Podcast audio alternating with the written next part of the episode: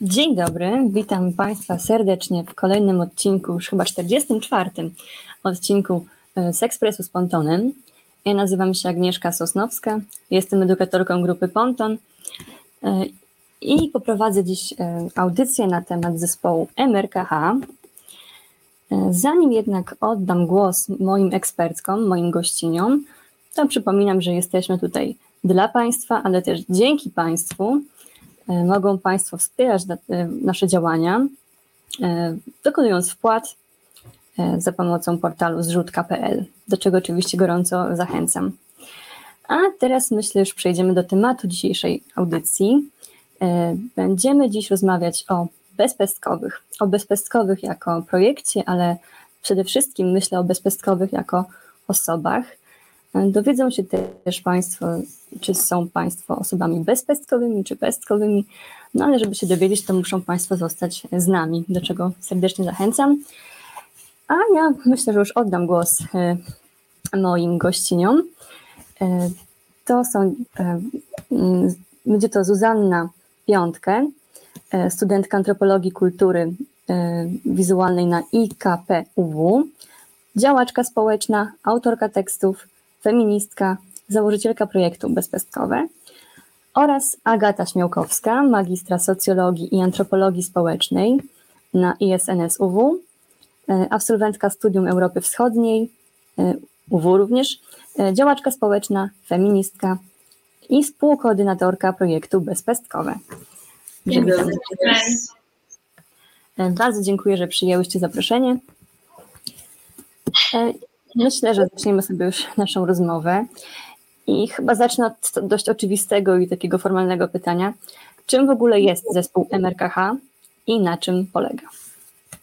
E, zespół MRKH to jest wrodzony brak i lub niedorozwój macicy oraz pochwy, e, który zdarzy się raz na 4,5 tysiąca e, urodzonych osób, którym przy urodzeniu przypisana jest płeć kobieca. Istnieją dwa typy MRKH. Pierwszy dotyczy tylko i wyłącznie kwestii ginekologicznych, Mm, czyli właśnie braku lub niedorozwoju macicy i e, pochwy. Natomiast drugi może dotyczyć również e, układu kostnego, mm, dużych naczyń. Bardzo często są to też wady związane z nerkami.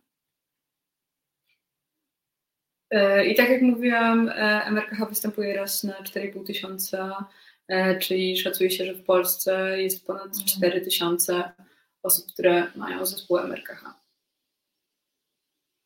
Mhm. Dobrze, to już w takim razie wiemy. Wy działacie na rzecz e, osób z MRKH w ramach projektu Bezpestkowe, e, który założyła Zuza. E, nawiążę teraz do nazwy, do bezpestkowości właśnie. Do czego się ona odnosi? Kim są osoby pestkowe, kim są osoby bezpestkowe? Co to jest za podział i jaki w ogóle ma wydźwięk? E, więc było to w trakcie, kiedy e, pisałam tekst e, na temat MRKH, kiedy dokonywałam swojego coming outu e, jako właśnie bezpestkowa i założyłam, że owoce pestkowe od bezpestkowych niczym się nie różnią, jakby poza pestką i mam wrażenie, że też no, ta różnica w posiadaniu albo w braku macicy u kobiet tak naprawdę niczego nie definiuje. Mm, więc e, to było jakąś taką podstawą, od, od której wyszłam. I stwierdziłam, że bezpaskowy to jest e, bardzo ładna nazwa, która nie jest stygmatyzująca, która bezpośrednio nie nawiązuje do MRKH, więc nie jest to mm, jakieś e, piętno, a mam wrażenie, że niestety cały czas istnieje taka narracja, że mm, MRKH wiąże się z czymś e, złym, e, właśnie z jakimś takim brakiem. Mm, więc mam nadzieję, że ten wydźwięk jest e, pozytywny i jest on destygmatyzujący, bo zależało mi na tym, żeby z jednej strony pokazać właśnie te różnice, a z drugiej pokazać tak naprawdę jej brak. Mhm. Mhm. I tak dla formalności, z tą pestką chodzi o to, że pestka symbolizuje macicę, prawda? Tak, lub brak. E, to jest e, ta oś podziału, że tak powiem. Mm, mhm. A jak wygląda w ogóle świadomość na temat zespołu MRKH w Polsce? E, to już może ja e, powiem, jako osoba sojusznicza i osoba, która w sumie w pewnym momencie dowiedziała się też o zespole MFKH i zaczęłam bardziej zgłębiać temat właśnie jak to wygląda i też tak naprawdę rozmawiając z osobami i e, opowiadając właśnie o, zanim dołączyłam jakby do, do projektu i zaczęłam tutaj działać razem z Zuzą, jak zaczęłam też tak właśnie pytać się osób i rozmawiać z nimi e, na temat bezpestkowych, na temat w ogóle zespołu MFKH, no to tak naprawdę wszystkie te osoby, z którymi rozmawiałam i były to przeróżne osoby, no nigdy wcześniej o tym nie słyszały. E, i tak naprawdę ta świadomość jest bardzo nikła, no jakby też mamy tego świadomość, że ma, znaczy to wynika z tego, że tych osób jest jednocześnie mało, ale jednocześnie też dużo, no bo to już jest rzecz no jakby dyskusyjna, tak, czy to jest mało, czy dużo, y, jeśli chodzi o ilość bezpestkowych osób w, w Polsce, ale y, świadomość jest dosyć mała, no to się teraz też zmienia, prawda, jakby dzięki y, i inicjatywie bezpestkowych i też w ogóle, że zaczyna, jest więcej rozmów na temat tego, że się od siebie różnimy i nie różnimy jednocześnie i jakby zaczynamy się po prostu edukować na wielu płaszczyznach związanych z seksem, e, ale też nie tylko, więc e, no ale tak jakby myślę, że reasumując, no ta świadomość jest dosyć e, ograniczona, bo też wiąże się z jakimś takim zamknięciem czasami na, na, na, na, pewne, na pewne tematy, aczkolwiek rzeczywiście chyba tak mi się wydaje, że możemy stwierdzić, że od jakiegoś czasu no, odkąd jest tak naprawdę mhm. projekt od trzech lat, no, jest większe zainteresowanie i już chyba coraz częściej się spotykamy z tym i na pewno myślę, że Zuza ma bardziej tutaj to porównanie, że mówiąc MRKH zdarza się, że możemy usłyszeć o wiem, czytałem gdzieś o tym, nie? Albo o, i w sumie hej, to bezpestkowe to jest wasz projekt, nie? Więc jakby to się gdzieś zaczyna nawracać. Oczywiście, że to jest jakaś tam bańkowość pewnie, że siedzimy po prostu w jakiejś tam swojej bańce, ale o dziwo czasami to potrafi po prostu zaskoczyć gdzieś tam z boku nagle, więc no. No tak, czyli miejmy nadzieję, że coś się w, w, tym zakresie zmieni. Między innymi dlatego jest też ta, ta audycja na, na temat MRKH dzisiaj i zgadzam się właśnie z Agatą, że, że świadomość jest dość nikła, bo przyznam, że sama jej nie miałam przed, przed mhm. właśnie podjęciem tego tematu. Także no, miejmy nadzieję, że się to będzie zmieniać. No i dzięki Wam oczywiście się to zmienia. Ja czytałam przez naszą rozmowę Waszą broszurę, informacje na Waszej stronie internetowej. Polecam wszystkim bezpestkowe.pl, prawda? Poprawcie mnie, jeśli pomyliłam. Tak, tak jest. Tam się można dokształcić, jest krótko rzeczowo na temat i bardzo inkluzywnie, także polecam. A gdzie bezpestkowe mogą e, znaleźć pomoc? To jest y, też, y, wydaje mi się, taki duży case, y, dlatego że y, rozpoznanie zespołu MRKH jest no, taką dość prostą rzeczą e, przez właśnie ten mm, e, brak lub niedorozwój e, pochwy, no i też macicy, której po prostu zazwyczaj nie widać. Mm, natomiast Znamy takie przypadki, że no, MRPH było rozpoznawane przez nawet kilka lat ze względu na to, że pacjentka nie została zbadana na, na fotolu ginekologicznym podczas mhm. wizyty w gabinecie. Mm, dlatego że no, lekarz też lekarka mieli jakieś tam e, uprzedzenia co do tego, mm, więc e, to jest często mm, związane właśnie z jakimś takim jakąś taką barierą, która i jakimiś przekonaniami, które właśnie mają lekarze, więc e, jakby wychodząc od tego, jest bardzo duży problem ze znalezieniem lekarzy w Polsce, którzy mm, mają jakby wiedzę na temat zespołu MRKH, bo tak jak mówiła właśnie wcześniej Agata, to jest, no dla nas to jest bardzo dużo, ta jedna na 4,5 tysiąca, natomiast MRKH cały czas jest opisywane jako mm, rzadka choroba. I głównie jako genetyczna choroba. Tak, dlatego że jakby no to jest wynik mutacji genetycznej, więc bardzo często się po prostu to rozpoznaje mm. podczas zajęć z genetyki. Mm, no i szacuje się, że w swojej karierze ginekolog lub ginekolożka spotkają się z zespołem MRKH maksymalnie raz. Jakby takie są statystyki, więc e, bardzo często zdarza się, że po prostu bezpestkowe muszą szukać tego lekarza lub lekarki, zanim w ogóle mm, będą e, mogły podjąć rozmowę na ten temat. Mm, I to jest jeden z filarów w ogóle bezpestkowych, e, czyli tak jak właśnie Agnieszka wspominała, mm, jest nasza strona internetowa, która mm, po pierwsze ma za zadanie edukować. E, można sobie z niej pobrać nasze broszury edukacyjne, do czego bardzo, bardzo zachęcamy, dlatego że wydałyśmy e, broszury w formie papierowej, ale jest też właśnie forma w PDF-ie, mhm. Która dzięki temu, że jest PDF-em, ma dużo mniej stron niż ta papierowa wersja, więc można ją sobie pobrać, wydrukować i na przykład gdzieś podrzucić. Tak tylko Sugerujemy. Sugerujemy. E, no, ponieważ ta świadomość również w środowiskach medycznych jest bardzo mała. Mm, bo często jest tak, że lekarze albo nie wiedzą, e, czym jest MRKH, mm, albo w bardzo taki lakoniczny e, sposób tłumaczą, na czym ono polega. E, bardzo często też podają informacje w sposób takich banów, czyli E, nie będzie pani e, miała miesiączki, nie może pani mieć dziecka i nie może pani uprawiać seksu, gdzie jakby te wszystkie rzeczy, no, poza miesiączką, o której e, opowiem, są mitem. Mm, a niestety jakby bardzo często lekarze mówią w ten sposób. Natomiast są też lekarze, którzy na przykład nie wiedzą, z czym się wiąże MRKH, a bardzo często no, na siłę jakby próbują na chojraka udawać, mhm. że jakby wiedzą, co robią i niestety zdarza się, że po prostu robią krzywdę. Mm, dlatego my stworzyłyśmy bazę e, lekarzy, e, psychologów, seksuologów i też e, urowizjoterapeutów, mm, do których warto się zgłosić, ponieważ wiemy, że to są osoby, które na pewno pomogą bezpestkowym, ale nie tylko, bo to jest też dla nas bardzo ważne, że to są osoby, które po prostu wiedzą, co robią.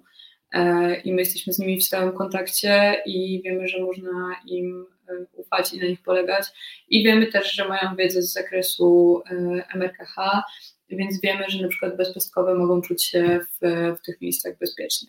Tak, no i tak tylko um, mogę dodać, że jeśli chodzi, nawiązując do Twojego pytania, Agnieszka, właśnie jak mogą uzyskać y, pomoc, no to właśnie tutaj tym fundamentem jest grupa, która działa na zasadzie grupy samopomocowej. Mm. Bardzo lubimy to określenie samopomocowa. Jakby grupy wsparcia są jak najbardziej ok, ale właśnie fajne to jest w bezpustkowych, że, że właśnie ta samopomoc, jakby, że, że osoby, które są na tej grupie, właśnie one między innymi budowały tą bazę lekarzy na przykład, że to idzie taką pocztą pantoflową trochę, że dziewczyny piszą na, na zamkniętej grupie, która jest tylko dla osób z MRKH, gdzie się tworzy taka bezpieczna przestrzeń dla nich, gdzie mogą się dzielić swoimi doświadczeniami, emocjami, przeżyciami, ale też właśnie zadają pytania, hej, czy macie kogoś w jakimś tam mieście, e, czy byłyście u tej, u tej osoby lekarskiej na przykład. I no ta baza przez ten czas się bardzo rozrosła. Ona nawet przez ostatnie kilka miesięcy się rozrosła do, że w każdym regionie Polski jakby znajdzie się ten specjalny, znaczy ta osoba, która jakby będzie miała pomóc albo podejdzie w empatyczny sposób, bo tutaj myślę, że no to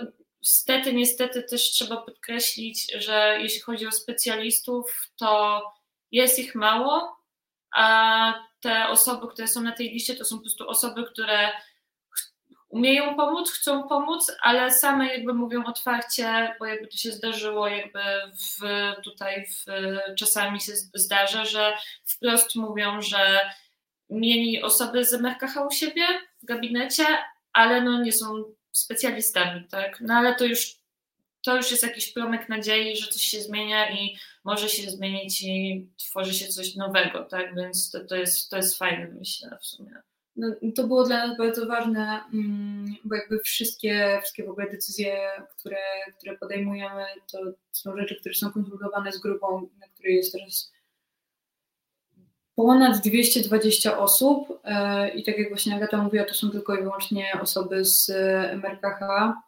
No i tak jak właśnie Agata mówiła, dla nas najważniejsze jest to, że osoby, które chcą pomagać bezpestkowym, to są osoby, które mają już jakieś doświadczenie mm, w, w pracy z osobą, która, która ma MRKH, mm, a to nie jest tak, że jakby oni mówią, że wiedzą, a, a później jakby kompletnie nie wiedzą, jak się za to zabrać, bo to jest też jakby bardzo ważne, że jak chce się kogoś wspierać i być czyimś sojusznikiem. Trzeba to, być też otwartym tak. na to, że no, trzeba mieć tą taką otwartość na to, że sobie trzeba powiedzieć, że okay, jakby mam tytuł lekarza, albo jestem urofizjoterapeutką, psycholożką, ale tego nie wiem i chcę się dowiedzieć. To jest, myślę, dla niektórych to jest to ciężkie po prostu, żeby sobie powiedzieć, mając jakiś tytuł po prostu zawodowy, że się czegoś na przykład nie, nie, nie, o czymś się nie słyszało, czegoś się nie umie.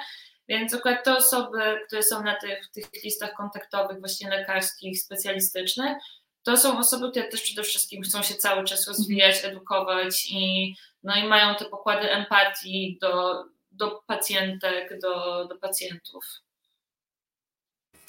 Mhm, wspaniała ta inicjatywa. A gdzie można znaleźć tę te, bazę? Bo nie wiem, czy to wybrzmiało. Na stronie internetowej. Waszej? Tak, tak, tak. Tam są, tam jest taka, no powiedzmy, zakładka, tak, gdzie są po prostu wszystkie, tam gdzie są specjaliści, specjalistki, tam są te miasta wymienione i jest od razu, przeskakuje się do właśnie adresów, do gabinetów konkretnych, do osób z imienia i nazwiska, do których można się zapisać, y, znaleźć na znanym lekarzu i ogólnie złapać kontakt, więc, więc tak, no. Wszystko jest na stronie. Wszystko, co może być, co wiemy, tak. jest na tej stronie w sumie. No. To przypomnijmy jeszcze raz adres y, bezpestkowe.pl. Dokładnie. Także jakby się Państwo chcieli mm, dokształcić albo mm, poszukiwali Państwo pomocy, to bezpestkowe.pl e, polecamy. Mm, a no właśnie w nawiązaniu do strony internetowej zauważyłam, że stosujecie tam język inkluzywny, czyli niewykluczający. To oznacza, no tak przynajmniej mnie mam, że macie świadomość tego, że język kształtuje rzeczywistość w związku z tym chciałam Was zapytać, e, jak należy rozmawiać o zespole MRKH? E, to jest też e, temat długi. Tak, od tego się zaczęło w sumie, tak? Od języka w sumie, sam, w sumie sama nazwa jakby powstała z potrzeby zmiany języka, jak mi się mówi, MRKH. Tak, e, dlatego że bardzo ważne jest dla nas to, że na stronie stosujemy na przykład określenie osoby z MRKH lub kobiety i osoby z MRKH, dlatego że znamy też osoby e, interpłciowe oraz transpłciowe, więc jakby zależało nam na tym bardzo, żeby wszystkie osoby poczuły się e, częścią jakby tej, tej społeczności. Mm, druga rzecz właśnie tak jak, e, tak jak Agata mówiła, jakby już sama nazwa najważniejsze było to, żeby ta nazwa nie była destygmatyzująca, żeby nie była stygmatyzująca e, w, w żaden sposób, tylko żeby właśnie była destygmatyzująca. E, no a kolejną rzeczą jest to, że bardzo często mówi się o MRKH jako o chorobie. Mm, a my staramy się jednak, jednak tego uniknąć. E, też to w ogóle wyszło z tego, że po tym, jak ja dowiedziałam się o tym, że mam MRKH, to jeden z pierwszych artykułów, który przeczytałam w internecie, to mm, MRKH było określone jako cierpienie na kobiecą tragedię. Mm, co no, dla mnie było hardkorowe, bo miałam wtedy lat chyba 17, kiedy to przeczytałam, więc e, jakby przez e, jakiś dobry rok nie chciałam z nikim o tym rozmawiać.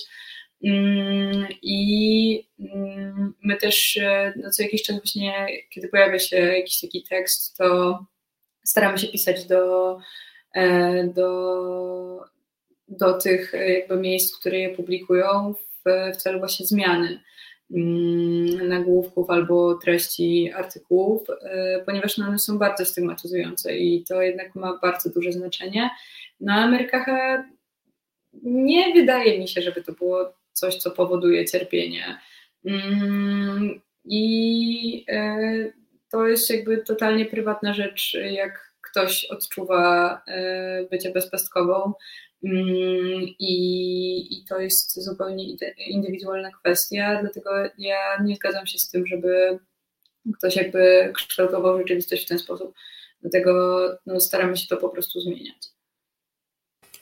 Jak y, piszecie te mm, powiedzmy petycje z prośbą o zmianę języka, to rzeczywiście jest respektowane? To, to ma moc? Y, w większości przypadków tak. Mm, bo y, no bywa różnie.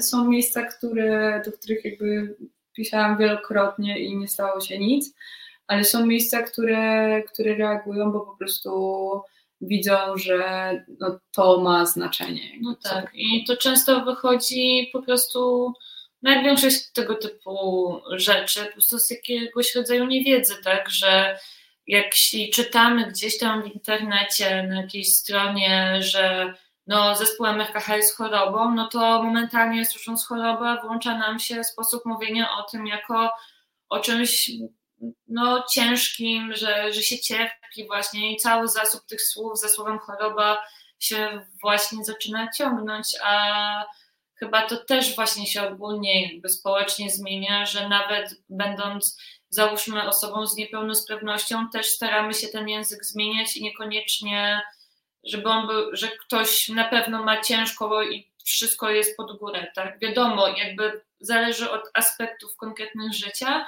ale no nie zakładajmy też, że jeśli coś jest, no jest chorobą, no bo tak, zespół MRKH jest chorobą, ale no też zespół MRKH, często powtarzamy, że zespół MRKH się ma, tak? Mm. Nie, że się choruje, czy się cierpi, tylko że się ma, bo jakby właśnie to słowo choroba ciągnie za sobą cały ten zasób słów właśnie. Mhm. A jak te placówki, które mm, no, nie zmieniają na Waszą prośbę tego języka, jak one to w ogóle argumentują? skąd jest, to wynika ta niechęć?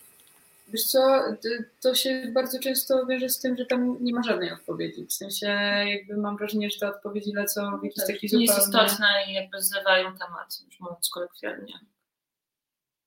Mm. No. Rozumiem. No dobrze, wróćmy może do samego projektu na chwilę. E, to będzie pytanie do Zuzy w takim razie. Mm, Zuza, dlaczego zdecydowałaś się właśnie ten projekt założyć? Skąd ten pomysł? Skąd to wszystko się wzięło? E, wyszło od tego, że ja sama jestem bezpustkową. E, jak się o tym dowiedziałam, to miałam wrażenie, że jestem e, jedyna na świecie, która ma MRKH. Dlatego, że no, tak jak mówię, właśnie w polskim internecie nie było na ten temat żadnych informacji. Mm, ewentualnie były one właśnie podawane w formie jakiejś takiej ciekawostki albo jakiegoś takiego clickbaitu, który, który mówił o tym w taki bardzo stygmatyzujący sposób.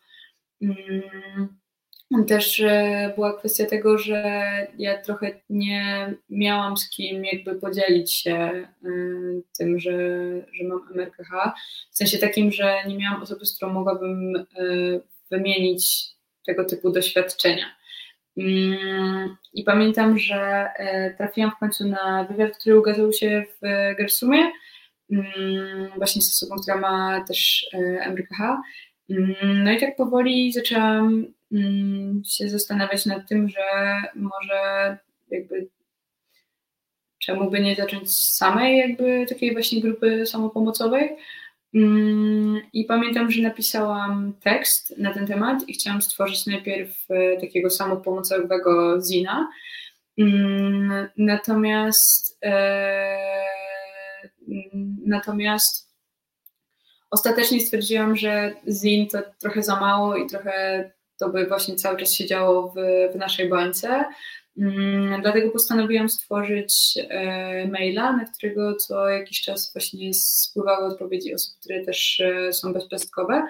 Mm, no i w ten sposób właśnie powstała samopomocowa grupa na Facebooku, mm, która trwa do dziś. No i stwierdziłyśmy, że jakby czemu nie podzielić się naszą wiedzą, którą mamy i w ten sposób też właśnie zaczęłam szukać lekarek i lekarzy, które, które mogłyby wspierać e, osoby z MRKH, a rok temu dołączyła do mnie Agata, która jest dla mnie ogromnym wsparciem i dzięki niej jakby ja jestem w stanie jakoś tak dzielić się z nią zadaniami, co jest super, bo to jest bardzo odciążające. Mm, no i dzięki temu jakby czuję, że ten projekt naprawdę zaczyna się rozrastać. Mm. I o rozrastaniu projektu porozmawiamy, myślę, po krótkiej przerwie. Także poprosiłabym teraz o krótką przerwę muzyczną. Reset Obywatelski działa dzięki Twojemu wsparciu. Znajdź nas na zrzutka.pl. Reset Obywatelski, Agnieszka Sosnowska oraz Bezpestkowe, czyli Zuzanna Piątka i Agata Śmiałkowska. Witamy po przerwie. Przed przerwą poruszyłyśmy e, kwestie projektu Bezpestkowe. Teraz dopytam e, o ten projekt. E, czym zajmuje się on obecnie i w jaki sposób pomaga osobom bezpestkowym? E, więc ja może opowiem o pierwszym filarze, bo bezpestkowe jakby składają się z dwóch filarów. E, pierwszy, tak jak mówię, jakby był taką wyjściową, e, od której w ogóle bezpestkowe się zaczęły, mm, czyli grupa samopomocowa, która jest na Facebooku, mm, do której ja zachęcam do dołączenia wszystkie bezpestkowe. Mm, tak jak mówiłam przed przerwą w grupie, teraz jest ponad 220 osób, co jest moim zdaniem całkiem niezłym wynikiem jak na te trzy lata poszukiwań. Mm, całość wygląda tak, że jest y, regulamin do zaakceptowania, którego jakby podstawową zasadą jest właśnie to, że w grupie znajdują się tylko i wyłącznie osoby bezpestkowe, ponieważ jest to dla nas bardzo istotne, bo no, nie wiem, może ja tam nie dotarłam, ale z, z, tego co mi wiadomo, jakby w polskim internecie nie istnieje żadna inna taka przestrzeń, która byłaby dedykowana osobom z zespołem MRKH. Mm, I generalnie jakby w Polsce raczej nie ma takich e, przestrzeni, a to było dla mnie bardzo ważne, dlatego że mm, mm, no, doświadczenia bezpestkowych są dość jakby taką, e, że tak powiem, indywidualną kwestią jakby w, w obrębie grupy, więc to było dla mnie bardzo istotne. Natomiast y, no, druga rzecz to jest nasz dział, że tak powiem, edukacyjny. O którym może opowie więcej e, Agata. E, tak, no od jakiegoś czasu właśnie tak zaczęło się w temacie Właśnie rok temu tak naprawdę zaczęła się tak nasza współpraca bliższa i od jakiegoś czasu właśnie już jestem jakimś takim e, stałym elementem grupy bezpestkowej jako osoba sojusznicza, ale właśnie ta kwestia edukacyjna jest bardzo ważna, ponieważ, no, tak jak właśnie mówi, mówiłyśmy już wcześniej o tej świadomości, czym jest zespół MRKH, jest bardzo mała. E, więc e, zrobiłyśmy webinar przeznaczony dla osób, no, dla terapeutek, psycholożek, psychologów, którzy chcieliby w jakiś, w sensie chcieliby mieć wiedzę na temat zespołu MRKH, żeby po prostu móc lepiej pomagać właśnie osobom, które by przyszły do nich właśnie z tym, z tym zespołem i z czym się mogą potencjalnie wiązać właśnie ich na przykład właśnie problemy czy, czy rzeczy do przepracowania.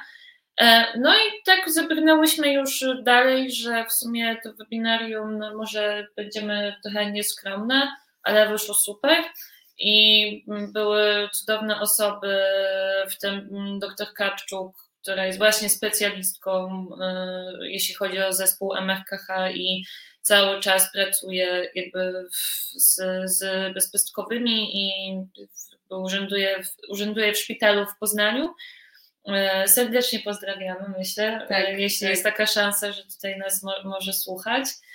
E, no i cały ten materiał, który tam, tam, tam był na tym webinarium, właśnie na, na, tej bazie powstała broszura, o której właśnie mówiłyśmy i która jest do ściągnięcia z naszej strony, którą też rozsyłamy do punktów, właśnie do gabinetów czy do szkół. Ja, ja tylko dodam, że u nas na Facebooku znajduje się też mapka którą stworzyliśmy z punktami z całej Polski, w których można przynajmniej częścią punktów, w których e, można znaleźć nasze broszury. Tak, i myślę też, że trzeba dodać, że nie byłoby tego, gdyby nie współpraca z Różową Skrzeczką, gdzie jest to yy, według nas i według e, dziewczyn z Różowej Skrzyneczki i w ogóle według, i według osób, które nas jakby obserwują i wspierają w działaniach, dosyć ciekawym kolabo, ponieważ no bezpestkowe, gdzie jakby ten temat miesiączki jest zupełnie inny niż w różowej skrzyneczki. I super uzupełniamy się, jeśli chodzi o wiedzę, no bo w różowej skrzyneczce są e, rzeczy, jak pewnie większość osób, osób wie,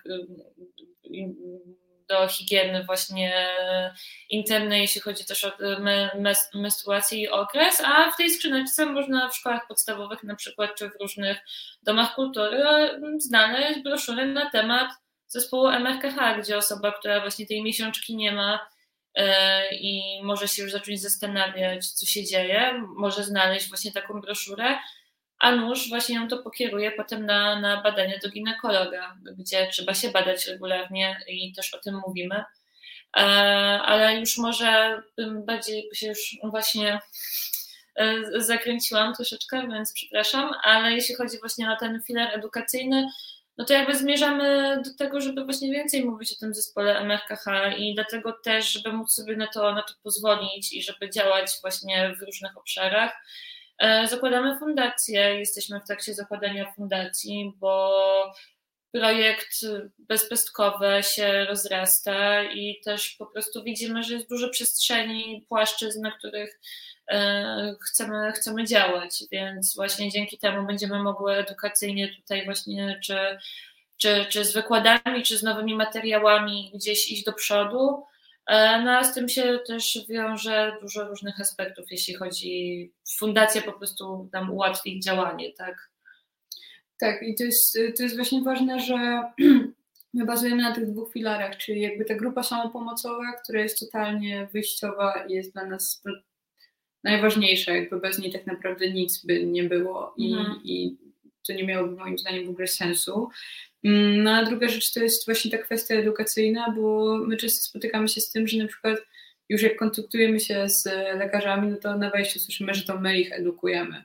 Co z jednej strony jest bardzo miłe, a z drugiej strony jest to no, dość przerażające, więc, e, więc staramy się mm, jak możemy, żeby te, te wiedzę, tą wiedzą się po prostu dzielić. Mm, I jeszcze chciałabym dopowiedzieć, jakby w ramach naszej współpracy z Różową Skrzyneczką, to było dla nas bardzo ważne, że poprosiłyśmy dziewczyny, żeby te broszury pojawiły się w mniejszych miejscowościach, dlatego że no jakby nie mamy problemu raczej z dostępem do takich większych, e, większych miast, że nie wiem, nie mamy problemu, żeby znaleźć specjalistki i specjalistów w Trójmieście, w Warszawie, w Krakowie, w Poznaniu, mhm. tylko to jest bardzo często właśnie problem z tym, że mm, no, w tych mniejszych y, miejscowościach jakby nie ma, nie ma tego dostępu. Mm, mówię też o takich jakby no, regularnych badaniach ginekologicznych chociażby, albo właśnie z taką no, zmianą myślenia, więc jakby nie chciałyśmy się ograniczyć do tych dużych ośrodków, jakby do no, jakiegoś naszego poziomu mhm. uprzywilejowania tak naprawdę, no bo obie jakby teraz mieszkamy w Warszawie, więc nie mamy problemu z, z dostępnością do, do różnych informacji. Natomiast no, wiemy, że w, jakby Polska nie kończy się na Warszawie albo właśnie na dużych miastach i dla nas to jest super ważne, żeby też e, sięgać tam, gdzie po prostu mm, no, czasem nie ma takich możliwości. Dlatego dla nas to jest Mm, super, że, że mamy taką możliwość, żeby połączyć siły z różową skrzyneczką. Mm, I dzięki temu, i to też jakby widać na naszej mapce, y, nasze broszury trafiają też do tych dużo mniejszych y, tak, miejscowości. Tak. I też jesteśmy właśnie w stałym kontakcie z osobami, które przejęły od nas broszury, które mówią o tym, że na przykład y, broszury znikają ze skrzyneczek ale nie w tym sensie, że jakby złym, tylko dla nas to jest jakby pozytywna informacja, bo to znaczy, że ktoś zabrał tę broszurę, ją czyta i też e, słyszałyśmy o tym, że mm, na przykład e, nauczycielki e, postanowiły po zapoznaniu się z tą broszurą przeprowadzić jakby na nowo, że tak powiem, lekcję o miesiączce, tak, lekcję o, tak. o tym, że jakby no, ten cykl menstruacyjny może wyglądać inaczej. Mm, bo to też jest na przykład istotne, o czym wydaje mi się, że nie wspomniałam na początku, że bezpestkowe e, mają cykl menstruacyjny. E, jedyna różnica między pestkowymi jest taka, że e, nie miesiączkują. Dlatego no, dla nas to jest taki mhm. podwójny, że tak powiem, podwójna rzecz w jakiś tam sposób, właśnie w związku z tym, co powiedziała Agata, że no, bezpestkowe i różowa skrzyneczka jakby działają razem. No, tak. No. No, wspaniała siostrzana współpraca, można powiedzieć, siostrzeństwo. E, dużo mówicie w ogóle o tym braku mm, świadomości, czy wręcz wiedzy. Mam wrażenie, że też e, w środowisku medycznym. Czy dobrze rozumiem, że wśród lekarek i lekarzy wciąż jest zbyt mała świadomość, czy właśnie wiedza na temat MRKH? No, tak jak już wspominałyśmy w sumie trochę na początku rozmowy, że właśnie wynika to z tego, że na, na studiach medycznych, z tego co się dowiedziałyśmy podczas właśnie rozmowy z kołem studenckim, które zaprosiło nas na wykład, że tak naprawdę ten temat zespołu MRKH przewija się, mówiąc kolokwialnie, przewija się na studiach, ale na czwartym bądź piątym roku w trakcie przedmiotu o chorobach genetycznych i na genetyce. Czyli y, no, po prostu jest jako przykład na choroby genetycznej, przez co potem nie ma tego przykładu, że de facto no, to ma duży związek jednak z ginekologią na przykład, tak? I wiadomo, gdzieś tam w pewnym, na pewnym etapie specjalizacji ginekologicznej na pewno mo, możliwe, że to się przewija, nie, nie, nie byłyśmy na medycynie też, więc jakby nie do końca się orientujemy, jak to może dokładnie wyglądać, ale to wynika z rozmów właśnie ze studentami, że no nie słyszą o tym po prostu i jeśli ktoś nie podejmie się specjalizacji właśnie w tym temacie, no to trochę ta wiedza nie ma jak przeniknąć do tej osoby. Więc tak, no. E, no a drugą kwestią jest e, kwestia języka. Jakby no, wracamy mm. cały czas do tego jednak niestety. E, ale tak jak mówiłam, właśnie bardzo często na pierwszej wizycie, kiedy jest diagnozowany zespół MRKH, to lekarze mówią, że nie będzie miała pani miesiączki, ale na przykład już nie mówią, że to właśnie wiąże się z tym, że jakby istnieją różne rodzaje cyklu menstruacyjnego i on nie zawsze wygląda u wszystkich tak samo. Mm, druga rzecz, którą mówią, no to jest nie będzie pani uprawiała seksu, ale no jakby nie mówią o innych aspektach e, seksualności poza jakby seksem penetracyjnym Mm, co po pierwsze jest totalną bzdurą, dlatego że no jakby, tak jak mówiłam, właśnie istnieją e, różne rodzaje e, seksu, nie tylko przez, e, przez penetrację, a druga rzecz jest taka, że mm, nie mówi się na przykład o metodach e, rozszerzenia pochwy, gdzie jakby są trzy opcje, na które bezpestkowo może się zdecydować. Pierwsza to jest rozszerzanie pochwy poprzez regularne współżycie z partnerem. Druga rzecz to jest korzystanie z dilatorów. Mm, no a trzecią jest e, operacyjne wytworzenie pochwy. Mhm. Mm, więc jakby to znowu jest rzecz, która jest dostępna, jednak nie zawsze lekarze o tym wspominają. Natomiast trzecia rzecz, którą bardzo często mówią, jest nie będzie miała pani dzieci i po raz kolejny jakby spotykamy się z tym, że mm, lekarze nie podają alternatyw. Więc e, bardzo często to nawet nie jest taki brak świadomości, w mhm. sensie wiedzy e, w środowisku medycznym, tylko to jest no, najprostszy na świecie brak empatii i, I wyobraźni. I wyobraźni. Bo jakby no, mówią w taki bardzo podręcznikowy sposób, natomiast nie przedstawiają e, alternatyw. I dla nas to jest na przykład bardzo, e, bardzo istotne, mm, bo też założyłyśmy infolinię w, w czerwcu, E, dlatego że no bardzo często zgłaszały się do nas właśnie osoby bezpestkowe, ale też e, osoby sojusznicze z ich rodzin i nie tylko, ale ja też kiedyś dostałam telefon od e, poradni psychologicznej, do której właśnie zgłosili się rodzice i nawet ta poradnia nie wiedziała, co powiedzieć. Więc jakby ja ich kierowałam i tłumaczyłam im jakby w jaki sposób rozmawiać o MRKH z, z tymi rodzicami. Mm. I, e, i no tak jak mówię, właśnie na, na tej infolinie bardzo często pojawiają się e, zapytania, albo też właśnie na grupie, mm, które wiążą się z tym, że no, lekarze właśnie w taki bardzo sztywny sposób przekazali mm, informacje, a no, później się okazuje, że jakby da się żyć inaczej na, na jakby swoich zasadach. No tak, to, to też jest no, Nasuwa się takie pytanie, że coś jest nie tak, bo jeśli dzwoni osoba bądź do nas pisze, najczęściej do Zuzy też, yy, byłam u lekarza, ale de facto nie dowiedziałam się nic i nam zadaje pytania, jakby ok, na które możemy odpowiedzieć, no ale jednak nie jesteśmy lekarzami i to, to jest trochę też ciężkie po prostu i przykre, że to tak wygląda, że e, w wieku lat 16-17, gdy idziesz do lekarza, bo no, nie masz cały czas pierwszej miesiączki, e, wychodzi, gdzie twoja tożsamość się zaczyna jakby po prostu tworzyć i kreować i od razu słyszysz, że no, nie będzie mieć pani dziecka, no to bardzo już jest takim drogowskazem na dalsze poczynanie tej osoby, tak? A za, dlatego też te broszury powstały, bo mhm. one powstały też z takim celem, żeby były w jak największej ilości gabinetów czy punktach, gdzie właśnie po, może być potencjalna bezpestkowa, która nawet jeśli usłyszy niestety taki komunikat i tak zostanie jej przedstawiona diagnoza, że w momencie, kiedy tą broszurę może dostanie albo znajdzie, to zobaczy, że hej, jakby, no to miał, zawsze lubimy to nazywać takim pierwszym przytulasem trochę, że hej, zobacz, nic jakby się nie, nie dzieje takiego i będzie dobrze i masz mnóstwo alternatyw, bo nie wiem, możesz być mamą, w sensie jakby możesz mieć dziecko, tylko może być, no nie urodzisz go, tak, ale też jakby to się też zmienia jakby w pewnym sensie, są, są nowe medyczne rozwiązania, które w Polsce nie funkcjonują, ale już na przykład we Francji tak, czyli znaczy tutaj mówię o przeszczepie macicy. No, w Polsce jest to dosyć jeszcze utopijna rzecz, pewnie będzie bardzo długo. E, mam nadzieję, że to się zmieni, ale no, przecież nie, po prostu nie słyszą jakichś innych alternatyw i nie dostają nic zamiast suchych faktów i, i tyle. I to nawet nie wszystkich faktów. No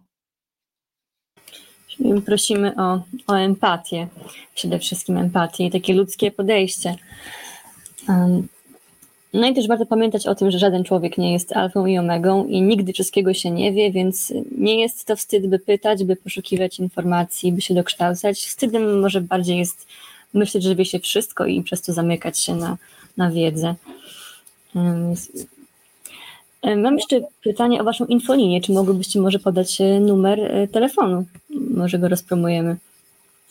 E, więc e, tak, infolinia powstała w czerwcu e, ubiegłego roku. Działa ona w poniedziałki i w czwartki od 9 do 17, a numer to 733 083 370.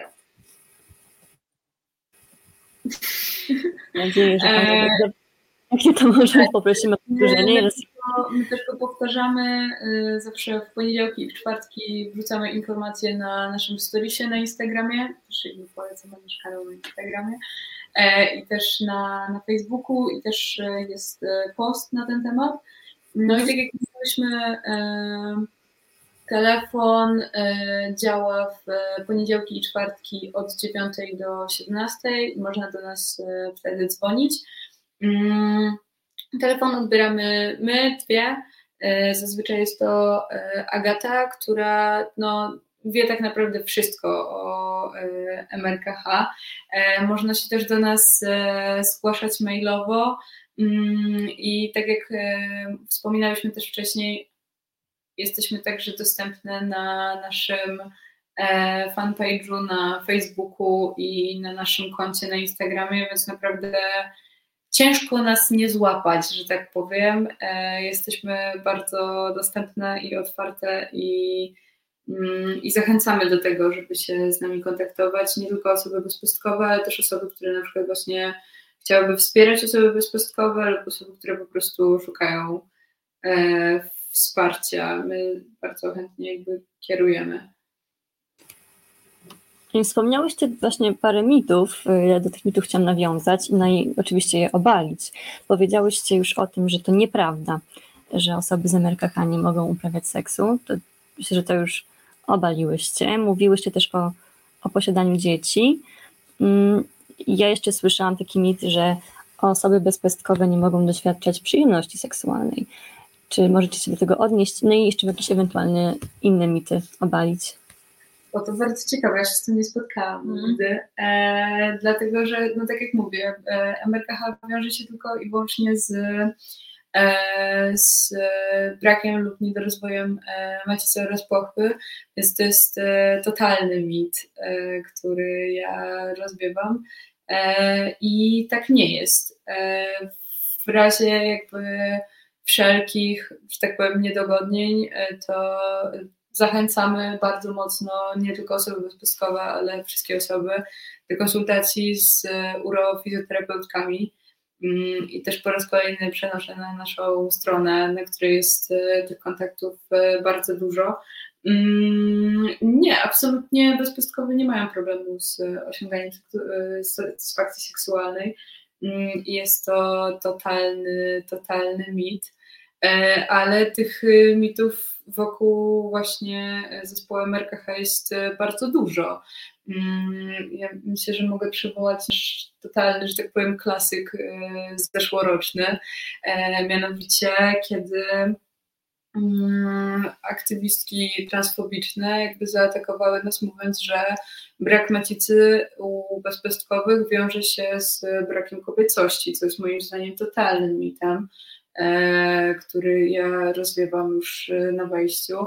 Mm, ale to była właśnie taka bardzo duża e, debata w tym środowisku e, terfek na temat tego, e, że to znaczy ich zdaniem jakby ten, ten brak macicy wyklucza nas z kobiecych kręgów właśnie przez to, że nie miesiączkujemy i też jakby nie mamy możliwości urodzenia dziecka. Co dla mnie jest kompletną bzdurą, dlatego że tak jak mówiłam, no, my otwieramy tak naprawdę nowe pola do dyskusji. Właśnie po pierwsze, czym jest w ogóle ta kobiecość i, i w jaki sposób ją można definiować jakby na swoich zasadach. Mhm. Mm. Też no właśnie ten... Będzie temat na oddzielną audycję. E, też e, właśnie e, na temat tego zróżnicowanego cyklu menstruacyjnego, o którym też jakby bardzo mało się mówi. No a jednak to nie wiąże się tylko i wyłącznie z zespołem MRKH, no i ten cykl e, może wyglądać w, no, w przeróżny sposób tak naprawdę. No i przez e, właśnie kwestię macierzyństwa, które no w Polsce jakby wiemy chyba wszyscy bardzo dobrze, że to jest ukochana debata polityczna e, na temat tego, kto w tej ciąży może być, a kto nie, a kto powinien, a kto nie. Mm, no to my właśnie jesteśmy po tej stronie, że no, jakby mamy w grupie osoby, które chcą, e, chcą mieć dzieci, a jednak nie mogą i też jakby odbiera im się tę możliwość poprzez e, brak chociażby regulacji prawnych i to po raz kolejny jakby nie jest rzecz, która powinna w ogóle podlegać jakiejkolwiek dyskusji. E, a już na pewno nie uważam, żeby powinny o tym decydować osoby, które jakby nie mają tego doświadczenia, bo to jest dla mnie kompletnie absurdalne. Mm, a to jest niestety właśnie taki mit, który, e, który bardzo się często pojawia e, i też no, były jakieś tam zarzuty właśnie odnośnie tego, że dlaczego pojawiają się osoby z MRKH, a nie kobiety z MRKH. I to nie jest tak, że to jest jakiś wymysł, czy, czy że jeżeli właśnie używamy określenia osoby z MRKH, to nie uważamy bezpestkowych za kobiety. Jakby absolutnie nie. Właśnie zależało nam na tym, żeby mm, język, którym się posługujemy zarówno na stronie, jak i w broszurach był jak najbardziej inkluzywny, e, żeby nikt nie poczuł się wykluczony. Mhm. I jak można w ogóle wspierać e, działania bezpestkowych? Jak można działać na rzecz bezpestkowych? E, ale biorąc pod uwagę nie tylko aktywizm, taki żywy, zaangażowany aktywizm, ale takie właśnie codzienne postawy sojusznicze. Mm. Jak można być sojuszniczką czy sojusznikiem? Może no to może tak, tak to sojuszniczo ja się e, wypowiem. E, no na pewno jeśli chodzi o takie codzienne wspieranie samych bezpestkowych i też naszego, naszego działania, to na pewno jest udostępnienie też naszych treści, e, postów na Instagramie, to już jest takie dosyć powszechne i znane, prawda, jakieś takie działanie i wspieranie, edukowanie czy udostępnianie strony, a w momencie, kiedy jakby rozmawiamy ze sobą bezpestkową, to też po pierwsze wszystko niech będzie na spokojnie i normalnie i taka zasada główna, kluczowa, którą e, wyznajemy i której tak naprawdę nauczyła mnie, mnie Zuza, to najpierw się zapytać, czy w ogóle chcesz na przykład o tym rozmawiać, tak? Czy, czy ja jestem tą osobą, z którą też chcesz porozmawiać, czy w ogóle chcesz rozmawiać i nawet jeśli usłyszymy nie, to już dla osoby bezpestkowej jest to sygnał, że jest ta bezpieczna przestrzeń i że z tą osobą mogę jakby się podzielić swoimi doświadczeniami. E, więc wydaje mi się, że tutaj są te kwestie takiego uniwersalnego sojusznictwa też, czyli dawanie przestrzeni, słuchanie, e, zadawanie pytań wtedy, kiedy jest na to ochota i kiedy jest na to czas. No i przede wszystkim też edukowanie innych, w sensie mówienie o tym, o zespole MFKH, udostępnienie treści, czy ja też lubię myśleć o zespole MFKH i to taka, myśl, taka rzecz, która przyszła do nas tak naprawdę też jakiś czas temu. Tak naprawdę wydaje mi się, że to przyszło na zlocie grantobiorczyń z Funduszu Feministycznego, gdzie zrozumiałyśmy też, że temat zespołu MKH może dotyczy około 5 tysięcy osób, ale jest bardzo uniwersalną kwestią, bo tak jak właśnie Zuza mówiła przed chwilą, porusza i tematy macierzyństwa, porusza tematy, czy narządy płciowe tak naprawdę definiują to, jakie jesteśmy płci, jaką płeć odczuwamy, bo jeśli mówimy tu o grupie osób, które są wychowywane i socjalizowane do, do roli kobiety, do bycia kobietą i czują się kobietą, to czemu ma się coś zmienić w momencie, kiedy usłyszą, mhm. że nie mają macicy i nie będą mieć miesiączki?